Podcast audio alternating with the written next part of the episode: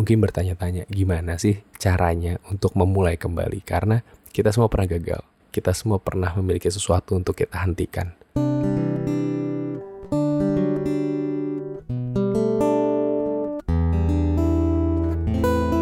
Hai, gue Wisnu Kumoro dan selamat datang di Bedtime Story. Ya, ini adalah podcast yang sudah cukup lama menghilang ya. Sekitar beberapa bulan gue nggak bikin podcast apa-apa dan nanti akan gue ceritakan juga kenapa gue menghilang dan tidak bikin podcast lagi dan sekarang bikin podcast lagi. Gue akan ceritain kepada kalian semua karena ini relate sama topik yang akan gue bawakan di bedtime story kali ini, memulai kembali. Dan buat yang gak familiar nih sama podcast bedtime story ini, gue pengen kenalan dulu. Nama gue Wisnu Kumoro, gue yang akan memandu kalian di podcast ini dan Ya, seperti dugaan kalian, podcast ini tidak seperti podcast yang lainnya yang kebanyakan beberapa orang yang bawain. Kalau gue cuma sendirian aja. Dan tidak seseru mereka juga, mungkin tidak membuat kalian tertawa, tidak membuat kalian jadi bahagia juga. Karena di podcast ini, yang gue bawakan adalah cerita-cerita yang tidak menyenangkan, cerita yang memiliki kenangan buruk, tapi gue harap bisa melegakan bagi yang mendengarkannya. Karena bedtime story adalah tempat terapi bersama, tempat di mana kita bisa mengenal diri kita sendiri dan ini adalah tempat di mana kita bisa makin aware sama mental health. Dan ngomongin tentang memulai kembali, topik kita kali ini. Untuk memulai kembali, kita memiliki satu syarat yang harus dipenuhi dulu sebenarnya. Hal tersebut itu harus sudah dimulai dan hal tersebut juga harus sudah mengalami kegagalan atau berhenti ya itu bukan satu itu dua ya maksudnya satu syarat itu adalah halnya sudah dimulai dan gagal. Itu berarti kita bisa memulai kembali. Karena kalau belum pernah dimulai dan belum pernah berhenti atau gagal, ya pilihannya bukan memulai kembali, tapi memulai untuk pertama kali atau melanjutkan. Dan ini bisa terjadi di berbagai timeline kehidupan kita, di berbagai sisi kehidupan kita. Gue sendiri pernah kok ngalamin memulai kembali itu ketika sekolah. Ketika ketika di pekerjaan juga gue pernah. Uh, ketika mengejar mimpi waktu kecil juga gue pernah. Bahkan di relationship, wah ini rutin banget. Memulai kembali itu seperti rutinitas ya kalau untuk relationship. Bahkan podcast ini, podcast bedtime story, ini pun masuk dalam kategori memulai kembali. Karena gue sebenarnya sudah menganggap bedtime story ini gagal dan akhirnya gue berhentikan beberapa waktu kemarin, beberapa bulan lalu. Makanya nggak ada podcast bedtime story yang baru selama beberapa bulan karena gue menganggapnya bedtime story itu gagal dan sudah tidak layak untuk dilanjutkan pada waktu itu. Ini bukan berarti gue tidak berterima kasih dan tidak mengapresiasi teman-teman yang suka dengan bedtime story, bukan Uh, karena faktanya memang reach-nya bagus, banyak sekali yang mendengarkan. Gue berterima kasih sekali, ratusan ribu listener uh, per episode itu luar biasa banget. Gue terima kasih banget dan bahkan sampai sekarang masih banyak pendengar-pendengar baru. Gue sangat berterima kasih. Tapi buat gue pribadi, bedtime story itu memunculkan kekecewaan untuk gue, untuk Wisnu Kumoro. Gue kecewa banget sama diri gue sendiri menurut gue bedtime story sudah tidak berfungsi seperti sewaktu kenapa gue membuat bedtime story. Hmm, mungkin kalau teman-teman yang baru mendengarkan di episode ini mungkin agak bingung apa yang gue maksud, tapi kalau kalian mendengarkan dari episode pertama sampai episode terakhir, mungkin kalian bisa melihat sedikit benang merahnya. Kenapa gue membuat bedtime story ini dan kenapa gue bilang ini adalah tempat terapi bersama kita semua. Uh, karena sebenarnya gue memulai podcast bedtime story ini sudah jelas, bukan karena materi, karena podcast ini tidak bisa diuangkan.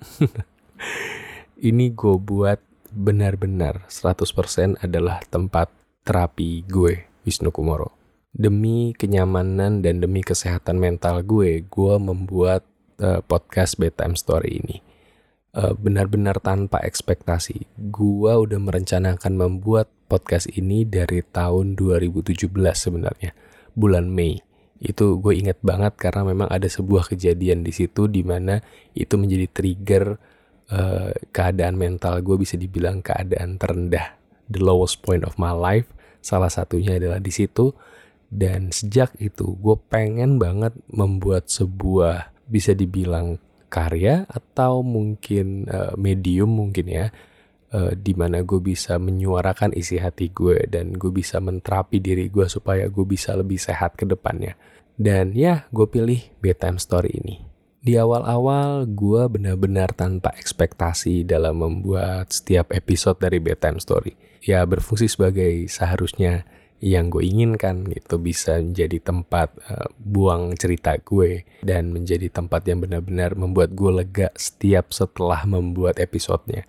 Tapi semakin bertambah episodenya, makin banyak orang juga yang cerita ke gue. Gue jadi kehilangan alasan awal kenapa gue membuat podcast ini. Gue jadi kehilangan diri gue sendiri. Entah kenapa ekspektasi itu muncul akhirnya. Gue merasa terhormat dan terapresiasi sekali dan gue berterima kasih kepada teman-teman sebenarnya beberapa kali uh, bedtime story ini masuk top podcast gitu. Kemudian bisa reach yang sangat-sangat tinggi dan sejak itu gue muncul ekspektasi, gue muncul pengharapan kalau gue gue pengen dong ini masuk top podcast terus gitu. Dan ini manusiawi banget sebenarnya. Tapi gue seperti mengkhianati tujuan awal gue membuat podcast ini. Gue jadi membuat sesuatu ya karena orang menginginkan gue membuat itu. Bukan karena gue yang pengen bikin mulai banyak orang yang request di DM Instagram, di Twitter, di email. Itu, ayo dong mas lanjutin lagi bedtime story-nya. Sampai gue di satu titik sedang menyiapkan sebuah episode untuk bedtime story yang akhirnya tidak jadi gue publish. Uh, sudah direkam, gue merekam beberapa episode sebenarnya. Tapi tidak ada satupun yang akhirnya gue publish. Karena gue merasa di situ gue bukan gue. Itu adalah Wisnu Kumoro yang diinginkan orang-orang, tapi bukan Wisnu Kumoro yang sesungguhnya yang pengen gue berikan kepada kalian gitu. Jadi gue memutuskan pada saat itu, oke, okay, bedtime story gagal, bedtime story berhenti, terapi gue gagal, terapi gue berhenti. Uh, dan ya itulah alasan kenapa podcast gue tidak berlanjut selama beberapa bulan. Kenapa gue akhirnya mulai sekarang? Setelah gue berhentikan, kok sekarang mulai kembali? Apa yang membuat gue memulai kembali? Kalau ditanya alasannya kenapa, ya jawabannya jelas banget. Karena gue butuh. Ini adalah terapi gue. Kesehatan mental gue itu harus harus diperjuangkan dan dilanjutkan terus. Jadi pada akhirnya gue akan kembali ke terapi ini lagi. Ini adalah cara yang menurut gue paling efektif bagi kesehatan mental gue sendiri dan mungkin bisa berdampak untuk orang-orang yang mendengarkan juga nggak banyak orang yang paham konsep depresi. Orang depresi itu mudah sekali kecewa. Dan yang paling berbahaya adalah kadang-kadang kekecewaan itu bisa berubah menjadi pain. Bisa menjadi luka yang nggak main-main karena lukanya itu bisa semakin menyakiti. It's hurting more and more and more. Dan yang paling ditakutkan adalah kita menjadi, gue nyebutnya adalah mindset yang sesat gitu. Ketika mindset itu berbicara bisa bisa dibilang seperti ini. It hurts knowing that I tried doing my best, but it still wasn't good enough. Itu berbahaya banget ketika kita tuh kayak mempertanyakan diri kita sendiri kalau apa yang kita lakukan itu tidak cukup baik terus menerus. Dan ya, itu depresif banget kan? Karena memang orang depresi seperti itu. Dimulai dari percikan kecewa, akhirnya jadi sebuah api e, luka gitu. Lukanya dalam bentuk api dan akhirnya membakar semuanya. Ya, depresi itu kayak gitu. Tidak semua akan paham tentang hal itu karena tidak semua orang mengidapnya. Tidak semua orang mengalaminya. Tidak semua orang pernah e, memiliki interaksi bahkan dengan orang-orang yang seperti gue dan orang-orang lain yang juga punya depresi. So, kenapa memulai lagi? Because I need it. Dan sebenarnya ini bukan pertama kali loh Wisnu Kumoro memulai kembali sesuatu yang sudah lama dia kubur. Uh, kalau kalian mendengarkan episode-episode sebelumnya dari Bedtime Story ini, kalian tahu pasti kalau gue pernah jadi musisi di masa lalu. Meskipun tidak terkenal. gue sempat ikut uh, beberapa band gitu. Kemudian gue pernah ikut juga bantuin temen gue itu untuk tour di 17 kota sepulau Jawa disponsori oleh salah satu brand rokok ternama lah pokoknya. Dan ya rockstar banget lah pokoknya.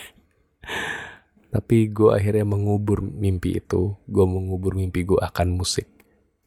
Tapi ya dua tahun lalu gue akhirnya memulai kembali uh, mimpi itu dengan merilis lagu-lagu yang mungkin kalian bisa dengerin juga di Spotify, di Apple Music, di iTunes. Lagu-lagu gue sendiri yang memang kali ini lebih menyuarakan isi hati gue. Bukan hanya sekedar cita-cintaan doang, tapi lagu-lagu yang memang isi hati gue yang pengen gue ungkapkan selama bertahun-tahun. Ada dua lagu, ada Jadi Diri Sendiri, ada Luar Dalam lagu tentang personality dan juga tentang mental health sebenarnya. Dan ya kalau kalian suka bisa kalian cari setelah dengerin podcast kali ini ya. Sekalian promo. Jadi sebenarnya ini bukan pertama kali juga untuk gue memulai kembali. So it's not that hard for me. Mungkin jadi lebih mudah buat gue karena gue pernah mengalaminya. Tapi buat teman-teman yang mendengarkan ini mungkin bertanya-tanya gimana sih caranya untuk memulai kembali. Karena kita semua pernah gagal. Kita semua pernah memiliki sesuatu untuk kita hentikan. Tapi kita nggak tahu caranya. Gimana sih harus memulai kembali? Kita punya keinginan untuk mulai lagi tapi nggak tahu caranya. Ya, gue punya beberapa tips mungkin. Karena gue nggak bisa bilang ini adalah step-step yang pasti berhasil. Jatuhnya gue cuma bisa bilang ini adalah tips untuk kalian yang mau memulai kembali. Langkah pertama yang harus dilakukan menurut gue adalah ya sesuai lagu gue sih sebenarnya kalian harus mengenal diri kalian sendiri dan kalian menjadi diri kalian sendiri. Jadi diri sendiri itu benar-benar dasar dari semua hal yang ingin kalian lakukan sebenarnya karena kalau kalian tahu diri kalian apa pun yang mau kalian lakukan bisa kalian sesuaikan dengan kemampuan kalian dan kekurangan kalian. So, kenali diri sendiri. Setelah kalian mengenali diri kalian, kalian pasti tahu goals apa sih, tujuan apa sih yang ingin kalian raih dari aktivitas itu dari aspek sekolah misalkan atau pekerjaan atau mimpi masa kecil kalian tujuannya tuh apa sih? Bahkan juga untuk relationship atau romance atau hubungan kalian sekarang ini apa sih tujuannya? Apa targetnya gitu? Kalian kan pasti tahu kalau sudah kenal diri kalian sendiri kalian mengenal pasangan kalian. Tentu kalian tahu goals yang ingin dituju itu apa dan dalam konteks memulai kembali sebenarnya goalsnya ini tidak perlu dirubah tapi cukup diperbaiki. Kalian bisa merubah goals itu kalau memang yang kalian alami ini levelnya sungguh-sungguh major, sungguh-sungguh besar. Misalkan kalian ganti agama kalian atau kalian merubah jenis kelamin kalian atau ya perubahan besar dalam hidup, mungkin itu akan merubah goals kalian. Tapi kalau ya memulai kembali hal yang sama, eh, sebenarnya cukup memperbaiki goalsnya. Mungkin goalsnya kurang tepat, kurang dewasa, mungkin kurang pertimbangan, sehingga perlu diperbaiki saja. Karena ya mungkin kebanyakan salah atau kegagalan itu karena kita masih muda waktu itu.